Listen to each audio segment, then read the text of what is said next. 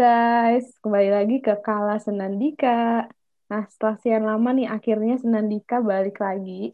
Dan mungkin kalau misalnya kalian nyadar-nyadar nih yang biasa pendengar setia, ini kok kayaknya suaranya rada-rada beda gitu kan ya, rada-rada mungkin lebih fals kali. Nah, jadi karena pada podcast kali ini rada spesial nih, karena kita dipandu sama duo host baru, ada gue Rona dan Firza. Oke, jadi gue Firza, salah satu staf divisi event dari Ruang Senandika. Oke, yoi. Kalau gue Rona, gue salah satu co-founder dari Ruang Senandika. Jadi hari ini tuh kita mau ngomongin apa sih, Ren? Jadi hari ini tuh kita mau ngomongin tentang topik yang kayaknya akhir-akhir ini tuh sering ada gitu loh di sosial sosial media sosial media kayak apa ya mungkin eh, nggak uh, hilang-hilang gitu selalu muncul lagi muncul lagi kita mau ngebahas soal toxic masculinity Nah, iya nih, gue tuh sering banget kayak ngeliat di TikTok, di Twitter, Instagram, misalnya ngeliat cowok-cowok pada pakai baju yang mungkin feminin atau uh, curhat dikit di sosmed itu tuh malah di komen yang mean, mean banget gitu sama orang-orang, kayak pada jahat-jahat banget gitu. Ah, iya iya iya benar-benar. Terus gue tuh juga ngerasa ya, semakin toxic masculinity itu makin booming, kayaknya tuh orang-orang tuh kayak pemahaman pada pemahaman tentang mas toxic masculinity-nya tuh pada beda-beda gitu loh. Kayak iya kayak nggak sama. Gitu nggak sih? Nah bener banget. Nah mungkin biar makin enak kita ngobrol ya kita invite langsung aja kali ya guest kita pada kali ini. Okay. Halo Andris. Hai Dris Hai guys. Oke boleh nih Dris uh, perkenalan dulu. Oke okay, gue kenalan diri sendiri ya. Um, kenalin nama gue Andris. Gue kebetulan dari divisi uh, content writer gue belakangan ini lagi sibuk. Cuman ke kegiatan komunitas sih uh, sibuk rundik sama satu lagi komunitas uh, namanya School for Cool. Dan gue kebetulan lagi nungguin buat masuk kuliah di bulan September. Uh, dan gue nanti masuknya di kampus namanya saya di Pejaten sekolah film. Itu aja sih untuk perkenalannya. Yeah. tadi masuk kampus jurusan apa Riz? Uh, jurusan film production aku gue. Asik. Ya keren ya Iya, udah beda level nih kayaknya. Iya, oh, enggak. Oke, Belum deh. mulai kuliah. iya kan udah udah mulai kerasa nih. Mau perbedaan-perbedaan. Oke deh. Mungkin kita langsung aja kali ya back to the topic nih ngomongin soal toxic masculinity. Nah, kalau menurut lo sendiri nih, Dris, sebenarnya tuh toxic masculinity emangnya apa sih? Kayak hal apa aja gitu yang bisa dikategoriin sebagai toxic masculinity? Uh, menurut gue uh, segala hal yang terkait tentang ekspresi maskulinitas di seorang laki-laki yang sifatnya tidak sehat uh, dan sempit sifatnya dan destruktif itu termasuk toxic masculinity. Hmm, iya, iya. Oke, berarti intinya menurut lo itu toxic, toxic maskulinitas itu adalah uh, apa namanya sifat maskulinitas dari seorang laki-laki yang nggak sehat gitu ya? Uh, iya, dan sifatnya itu destruktif dan menurut gue itu berakar dari um, standar maskulinitas yang dibentuk oleh lingkungan dan standarnya itu mm, nggak mm, sehat dan unforgiving sih. Ah, benar-benar setuju sih gue. Nah, lo ada nggak sih pengalaman tentang toxic masculinity ini? Uh, ada sih, kebetulan dulu sampai um, I was actually quite affected by it sampai kayak kepikiran sampai sampai sekarang juga masih kepikiran sih. Uh, dan itu tapi kebetulan bukan dari sendiri pengalamannya yang justru lebih uh, ngeliat teman dekat uh, yang ngalamin itu dan itu lumayan heartbreaking. Nah what happened is gue dulu pernah punya teman online dari Singapura. Kita kenal lewat uh, Discord sosial media yang buat gaming itu kan. Dia kita ketemu kayak di channel-channel gitu. And we got really close dan uh, kita kayak bercanda bareng terus kayak selalu main video game bareng. Uh, terus tiba-tiba kayak um, gue ajak di talk dan gue kan lama-lama gue juga curhat sama masalah-masalah pribadi gue karena saking kayak tanda kutip dekatnya gitu udah intim gitu. Dan gue benar-benar expect dia buat kayak open up juga kayak gue and maybe have a good deep talk gitu bareng-bareng. Eh ternyata enggak dan dia sampai nge-push me away. He told me hmm. that he doesn't need um, my sympathy or empathy terus uh, dan dia juga pernah ngaku kalau dia misalnya open up dia akan takut dianggap lemah uh, dan dia kebetulan ngomongnya secara eksplisit kayak begitu ngomong Oh. kalimat itu sama persis it was quite heartbreaking sih for me Ya ampun, jadi dia bener-bener yang kayak gimana ya? eh, secara eksplisit kayak bener-bener ngomong kayak oh enggak, gue nggak suka kayak gini gitu. Kayak apa ya? Mungkin nggak berani gitu kali ya kalau misalnya eh, open up sama orang lain gitu. Nggak berani dan lebih kayak eh terancam sama temen-temennya justru. Nah ini lucu bukan Hmm. temen-temennya nge-support tapi malah bikin dia merasa terancam. Katanya ya balik lagi tadi takut dijudge, takut dianggap lemah lah, takut di-exclude. Hmm. Gue kasihan aja sih gitu, terutama and this is coming from a guy who has severe complex. Jadi kayak kalau ngeliat orang temen dekat derita tuh temen dekat derita bawaannya tuh pengen ngelamatin aja gitu. Makanya I was quite affected by it. Ah, iya iya iya. Jadi kayak sebenarnya apa ya?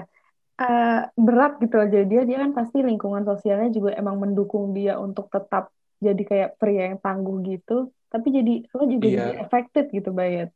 Dan dia membenarkan aksi dari teman-temannya itu. Iya iya sih. Iya, Mm-mm. tapi Nah. mungkin nggak bisa disalahin juga ya mungkin emang lack of support dan nggak tahu ya kalau di Singapura lingkungannya nggak kayak gimana gitu sih Iya bener sih. Betul, betul. Heeh, heeh. Tapi nih ya, ngomongin soal kayak toxic masculinity gitu, itu tuh gue ngerasa ya, akhir-akhir ini mungkin terutama kayak di TikTok gitu, banyak banget ada hashtag-hashtag kayak end toxic masculinity gitu. Dan kayak lo kalau misalnya suka lihat nih di TikTok ada kayak eh, tren-tren di mana mungkin nih cowok-cowok gitu udah mulai lebih berani untuk pakai eh, baju yang tanda kutip tuh kelihatannya lebih feminin gitu, lebih agak kecewe-cewean ah iya iya ya kan? Nah, Mm-mm. itu banyak banget tuh biasa di TikTok kayak gitu. Nah, tapi gue tuh ngerasa ya, jadinya tuh kayak ada muncul miskonsepsi baru gitu loh soal toxic masculinity ini, di mana orang-orang tuh jadi ngerasa kayak, oh kalau misalnya cowok emang dia nggak mau pakai baju yang feminin, dia nggak suka, itu bukan style dia, terus jadi dianggap itu tuh kayak toxic masculinity gitu. Makanya nih kalau menurut lo sendiri, Des, itu gimana? Apakah iya gitu untuk untuk melawan toxic masculinity kita itu harus eh misalnya lo gitu sebagai cowok itu harus em, pakai baju yang feminin lah atau kayak tanda kutip agak kecewe-cewean lah gitu. Um, menurut gue ini salah satu misconception yang paling uh, besar di lingkungan sosial kita dan ini dan ini lumayan memprihatinkan banget sih karena Hmm. Uh, jujur menurut gue uh, laki-laki yang pakai baju feminin kayak pakai rok, pakai uh, stocking segala macam bahkan make up di TikTok untuk uh, bikin konten ataupun pakai beneran pakai baju untuk baju sehari-hari itu sebenarnya gak necessarily lo harus oh lo harus pakai baju feminin atau enggak lo bakal dianggap toxic masculine uh, pengikut toxic masculinity enggak menurut gue itu ini tuh sebuah cuman sebagai simbol aja gitu loh. Simbol bahwa um, simbol yang nge- bukan dikte sih yang nge-state yang um, yang menegaskan bahwa laki-laki itu bisa juga punya feminine qualities. Nah terutama feminine qualities yang uh, menyehatkan untuk uh, jiwanya sendiri jiwa laki-laki.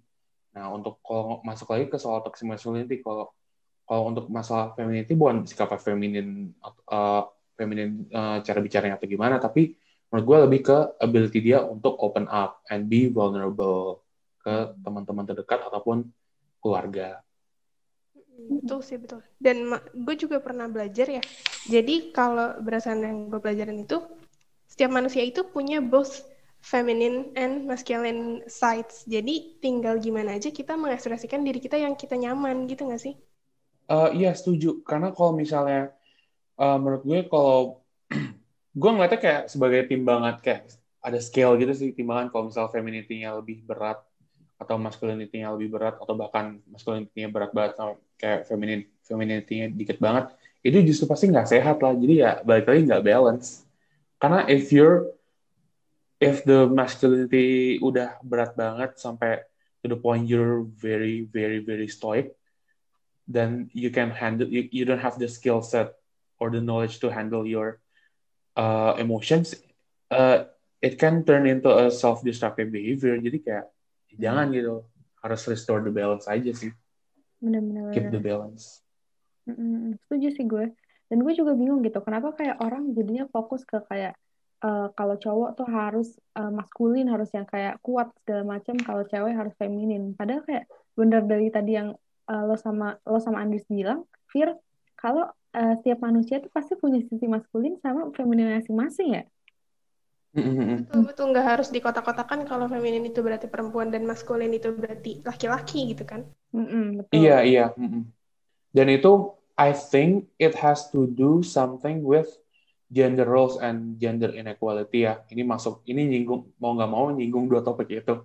Karena memang kayak kita punya deep rooted problem banget di society di mana kayak um, perempuan harus submissive dan laki-laki harus stoik harus nggak boleh komplain, harus be strong all the time. Tapi kayak balik lagi, we're uh, we're humans. We can we should be allowed. Uh, we're allowed to be vulnerable and we're allowed to be weak at times. And by being weak at times itu justru ironisnya artinya you can be strong juga gitu. Ide, bener bener. Iya sih gue setuju. Karena kalau misalnya lo nggak pernah belajar gimana caranya apa ya be open to the weakness misalnya kayak uh, dari sisi vulnerable lu ya gimana lu bisa menjadi kuat gitu kan istilahnya? Oh benar setuju setuju banget. Oke okay, mungkin sebelum kita ngobrol panjang nih tentang toxic masculinity ini yang tadi kita udah obrolin dan supaya obrolannya juga nggak ngalor ngidul mungkin enaknya kita tahu dulu nggak sih apa sih arti toxic masculinity ini secara harfiah?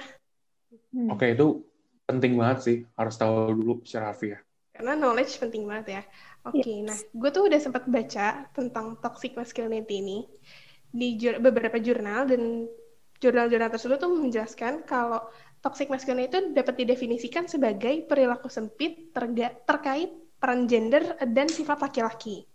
Nah, dalam toxic masculinity ini, definisi maskulinitas yang lekat sebagai sifat pria identik dengan kekerasan, agresif, secara seksual dan tidak boleh menunjukkan emosi. Oke deh. Nah, okay. tadi tuh tadi tuh ya uh, sebenarnya yang dijelasin Firza tuh udah conclude semuanya. Tapi gue juga sempat nyari-nyari nih kalau ternyata toxic masculinity itu ada kayak tiga komponen inti nih. Yang pertama nih ada apa aja tuh? Iya, yang pertama ada toughness atau kayak kekuatan. Jadi gagasan bahwa laki-laki itu pertama ya harus kuat secara fisik, terus harus agresif dan kayak nggak berperasaan gitu. Nah, terus yang kedua itu ada anti femininity. Kalau anti femininity udah jelas lah ya, pokoknya intinya laki-laki itu harus menolak segala hal yang dianggap feminin. Dan ini tuh lebih dari sebatas uh, berpakaian ya guys. Ini ini juga uh, kayak yang tadi diceritain sama Andris. Jadi kayak laki-laki tuh nggak boleh nunjukin emosi gitu, nggak boleh menerima bantuan dari orang lain. Nah terus yang ketiga ya. itu adalah power atau kekuasaan. Jadi kalau power ini, ini mungkin berhubungannya juga kayak uh, double standard sih. Jadi kayak asumsi bahwa laki-laki itu harus punya status yang tinggi untuk bisa dihormati sama orang lain gitu. Jadi kayak dia harus berkuasa untuk bisa dapat hormat dari orang lain. Gitu sih. Nah, berarti tuh intinya pengertiannya itu uh, sebenarnya banyak nggak sih sebenarnya tuh tanpa disadarin gitu ya. Cowok-cowok atau laki-laki tuh banyak sebenarnya yang punya pemikiran kayak gini, cuman mungkin mereka nggak mengekspresikannya atau menjudge orang lain kayak gitu nggak sih? Nah, iya benar-benar benar. Mereka tuh sifatnya kayak gitu nggak sih? Hmm, jadi kayak iya, benar. internalize gitu nggak sih? Dalam artinya kayak ada rasa uh, sifatnya uh, sifatnya internalize jadi kayak kecil-kecil cabai rawit gitu, diam-diam berpengaruh pengaruhnya tuh besar, pengaruhnya krusial banget ke tingkah laku, ke uh, personality, bahkan ke ini, ke nanti besar jadi kayak gimana juga ngaruh banget ke masa depannya. Eh, iya juga ya. Iya benar sih. Gue tadi gak kepikiran sama sama bener-bener Oke, okay, nah tadi kan lo cerita nih, Idris, tentang toxic masculinity yang uh, mungkin teman lo alami. Berdampak nggak sih uh, ini tuh ke diri lo? Dan kalau uh, itu kayak gimana? Uh, uh, kayak yang gue bilang tadi ya, ini berdampak banget sih, dan ini ini tuh kejadian bersifat sebagai kayak wake up call gue kayak, hey, toxic masculinity is real and it's happening it has affected uh, one of your friends dan itu quite alarming. Um, gue jujur uh, sampai pernah panik dan kayak nggak nggak pengen terima kenyataan bahwa emang emang laki-laki itu actually the victim here. Uh, walaupun kayak emang laki-laki biasa kayak soal, soal feminisme kan biasanya uh, bisa laki-laki itu yang harus yang responsible juga kan dan ini kayak ya ini juga kayak quite apa ya groundbreaking banget gitu ketika gue found uh, found out ini jadi ke teman gue. Iya iya iya. Kenapa tuh kalau boleh tahu dampaknya? Maksudnya kayak uh, yang lo rasain tuh apakah lo jadi apa ya? Uh, istilahnya lo jadi keinget gitu sama uh, society society yang menekan menekan cowok harus jadi sedemikian rupa gitu. Iya, maksudnya uh, I just feel sorry for him ya. Maksudnya benar-benar kayak uh, benar-benar kasihan sama diri dia uh, dan laki-laki lain yang terpengaruh tapi gue nggak kenal. Karena kayak gue tuh jujur growing up nggak pernah ada masalah untuk open up nih. Tapi kayak the idea that dictates uh, that man has have to be strong all the time and show no emotions tuh kayak jadinya secara tidak langsung jadi muncul aja di pikiran gue jadi sering terbesit di benak gue dan sampai ini juga ngaruhinnya ke self esteem gue karena uh, my bukan deep talk apa uh, my self talk jadi apa ya suara my inner inner voice tuh jadi kayak tanda kutip ngomong kalau gue nggak kuat dan repress all my emotions gue bukan cowok yang ideal atau gue bukan siapa-siapa. Dan itu itu lumayan bahaya banget dan it's just so scary. And I I really at that time when it happened I really didn't know what to do. I I thought I could help him tapi oh no ini emang deep rooted banget sampai this is out of my control. Uh, this is mm-hmm. something bigger than me. Dan gue emang uh, separah apa pun gue pengen nolong orang itu uh, kontrol gue soal situasi ini uh, sedikit banget kecil banget. Iya iya iya. Bener sih.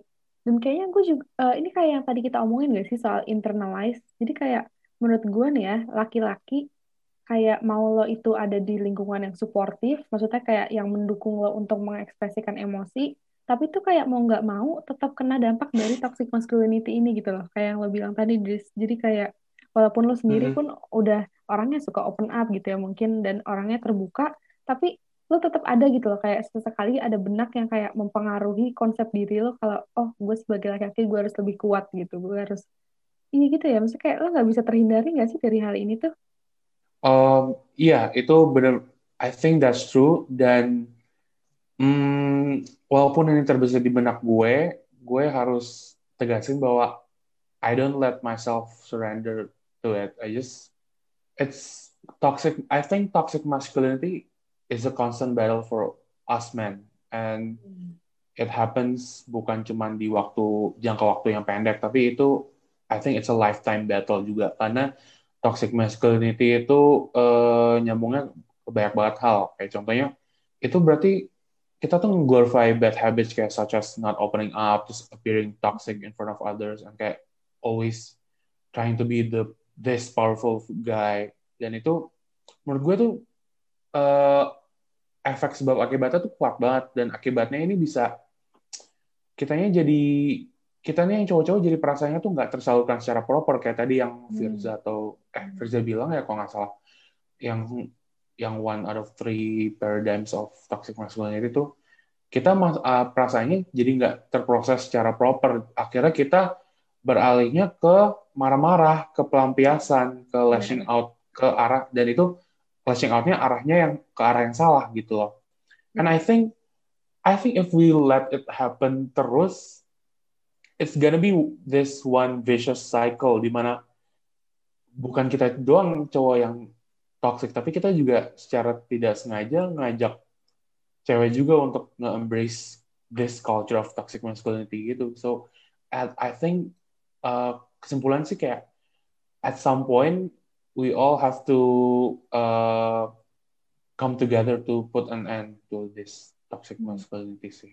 Dan hmm. ini pasti prosesnya walaupun lama dan butuh butuh uh, peran dari semua orang, tapi I think pelan-pelan kita bisa ngurangin ini uh, secara uh, significant to the point ini bukan masalah yang harus dikhawatirkan uh, lagi sih.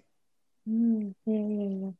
Nah, tadi kan lo juga udah nyebutin banyak banget kayak apa ya self-distracting dan bahkan uh, apa ya gimana ya perilaku toxic ini juga bisa lo salurkan ke orang lain yang mana jadinya kayak perilaku toksik ini istilahnya dinormalize gitu kan. Lo udah uh, nyeritain dampak-dampak yang mungkin terjadi kalau misalnya toxic masculinity ini terus dikembangkan gitu. Nah, makanya nih kalau dari lo sendiri, gimana sih cara lo bisa dealing dengan semua hal itu?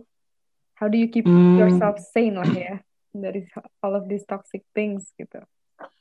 Oke, okay. um, gue pengen mulai dari sebelum masuk ke toxic masculinity in general, gue pengen nanggepin kejadian yang terjadi ke teman gue ini, ke teman online gue ini. Hmm. Um, kita asli kalau ada kejadian itu lagi, uh, kita bisa coba nasihatin, tapi just uh, remember ya, the outcome is out of our control.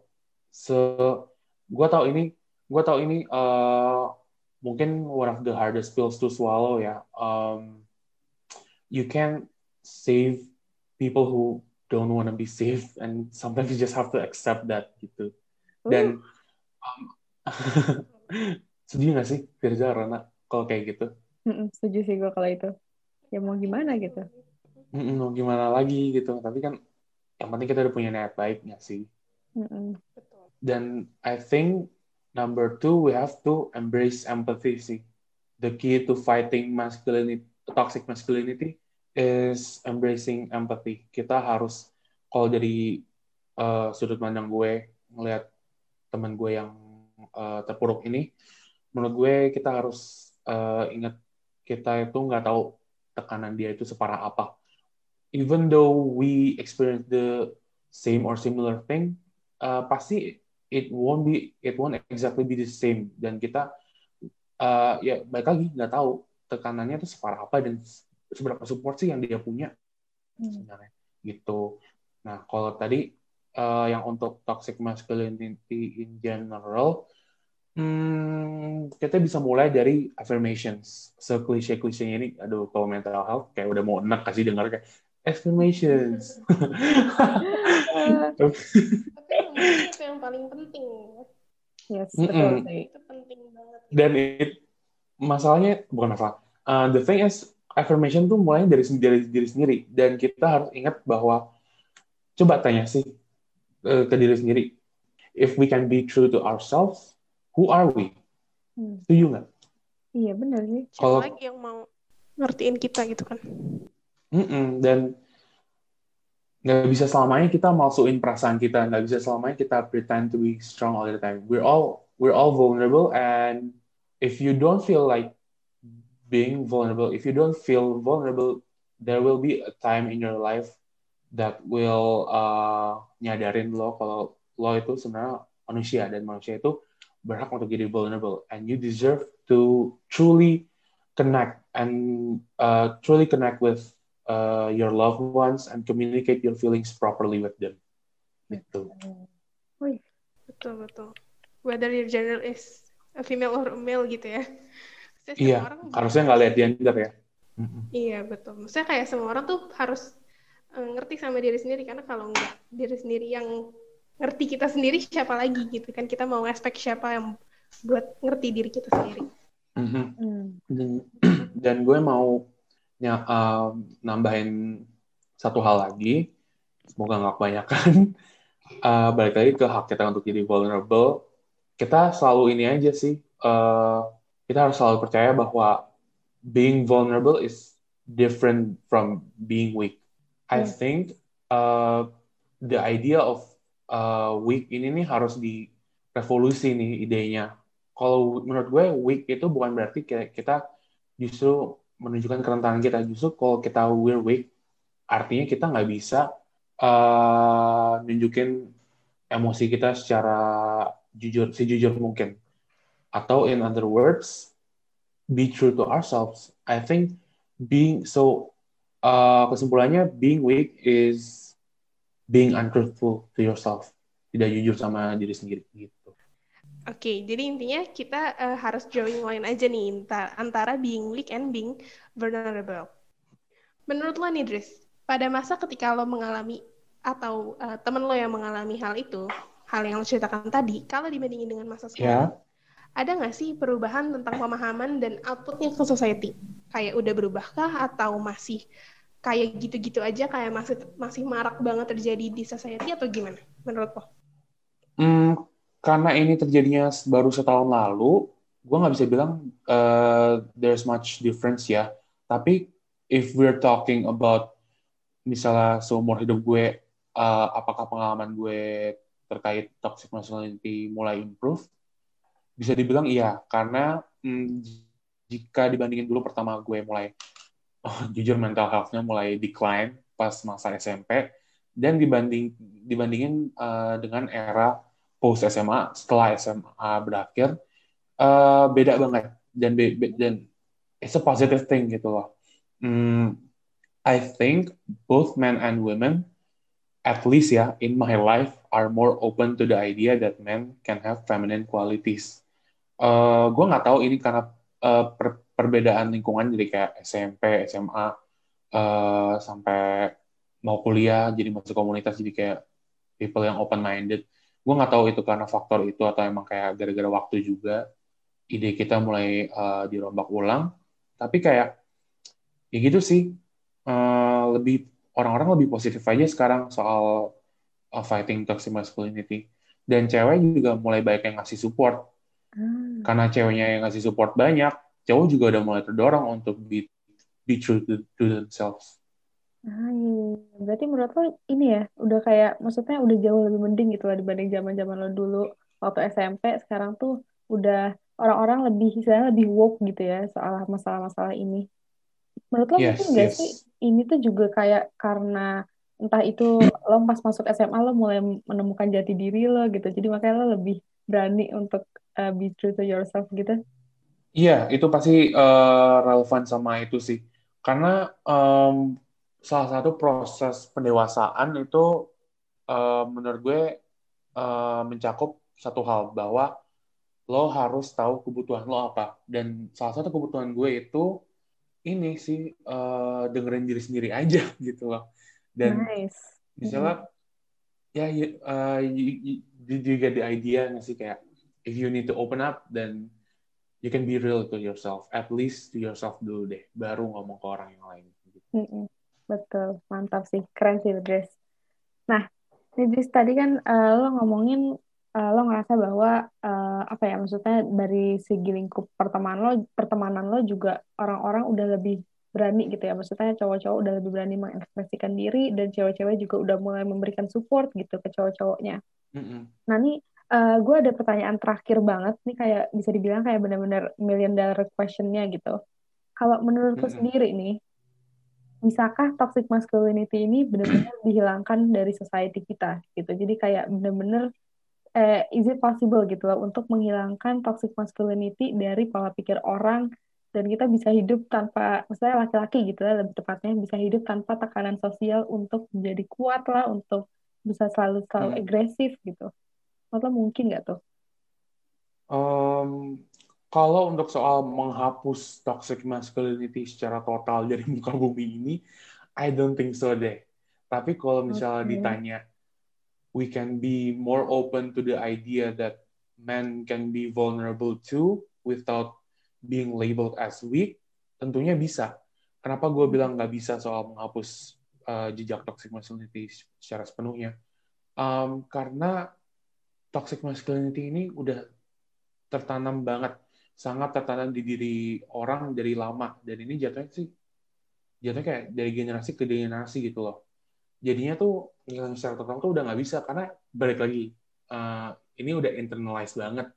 Hmm. mau secara uh, consciously kita menolak itu subconscious kita masih pasti kayak masih nge-bring up soal itu juga. Jadi ya gitu sih menurut gue tapi hmm. bukan berarti lo harus abandon all hopes and dreams ya hmm. karena balik lagi uh, ini tuh tentang ini bisa dimulai dari diri sendiri aja. Uh, another hard pill to swallow. Support comes second.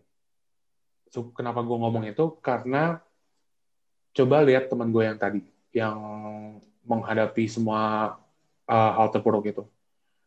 Gak semua, kita harus aware bahwa, kita harus be aware bahwa gak semua orang itu socially privileged. Dalam uh, kata lain, dalam artian punya support dari berbagai arah. Jujur gue uh, merasa gue itu socially privileged karena uh, semua teman gue dan ketika gue bilang semua tuh beneran semua, bukan mayoritas. semua teman gue itu benar-benar suportif. Uh, jadi ketika mau gue seterpuruk apa pun, gue selalu ada kayak tanggapan bahwa tanggapan bahwa oh ya udah nanti juga teman-teman pasti bakal support, bakal backup, bakal bikin gue senyum lagi.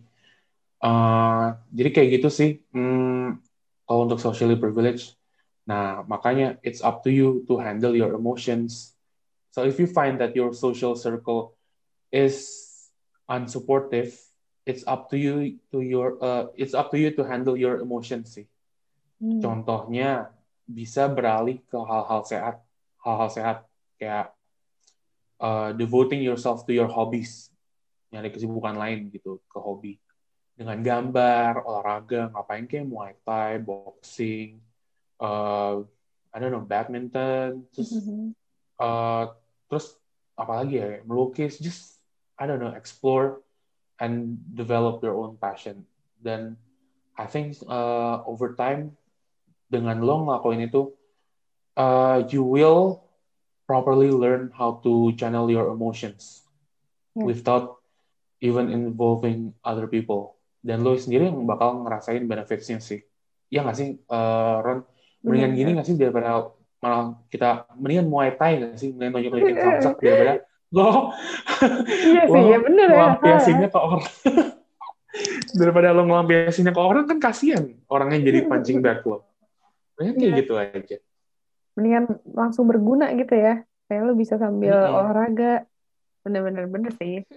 Jadi gitu ya kalau lo ngerasa mungkin toxic masculinity nggak bisa bener-bener istilahnya dimusnahkan gitu tapi tetap aja perjuangan sejauh ini tuh juga memberikan dampak gitu kan. Kayak lo sendiri ngerasa lebih uh, lebih apa ya lebih lebih berani gitu kan untuk mengekspresikan diri lo sendiri. Mm-hmm. uh, menurut lo gimana nih Fir lo sependapat gak nih gue juga gue setuju sih kayak Eh, sedikit demi sedikit orang-orang akan maksudnya kayak dimulai dari kita aja sendiri aja tuh udah cukup buat mengetahui kalau toxic masculinity itu kayak gini. Kalau misalnya kita mulai dari diri kita sendiri, terus kita misalnya kita kita spread di awarenessnya juga itu bakal kayak sedikit demi sedikit merubah konsep miskonsepsi hmm. yang terjadi di masyarakat sekarang. Yes, yes, benar-benar. Yes. Hmm, dan pelan-pelan kita bisa rombak ulang definisi dari being strong. Jadi kita uh, ya kan kita redefine aja apa sih arti maskulinitas itu? Mm Tuh. Itu kayaknya key point dari inti pembicaraan kita sih itu ya.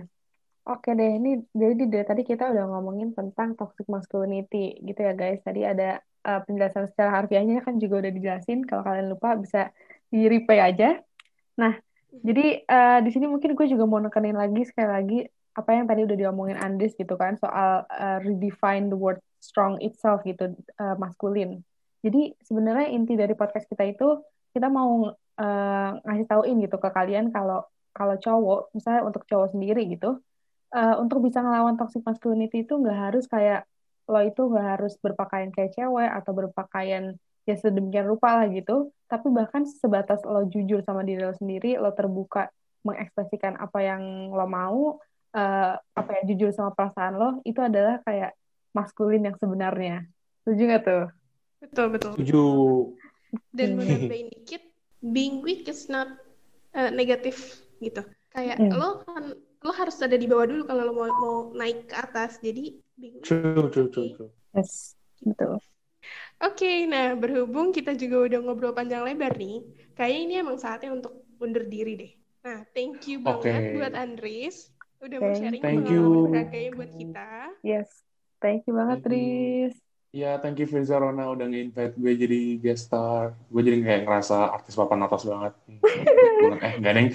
Emang iya kan, emang soon to be, soon to be artis. Asik, oh iya. Oh, gitu artis ya. and film product, uh, film productor gitu ya. Ya, Riza 2.0 ya. Amin. Oke okay, deh. see you in next episode. Bye-bye. Bye. See you.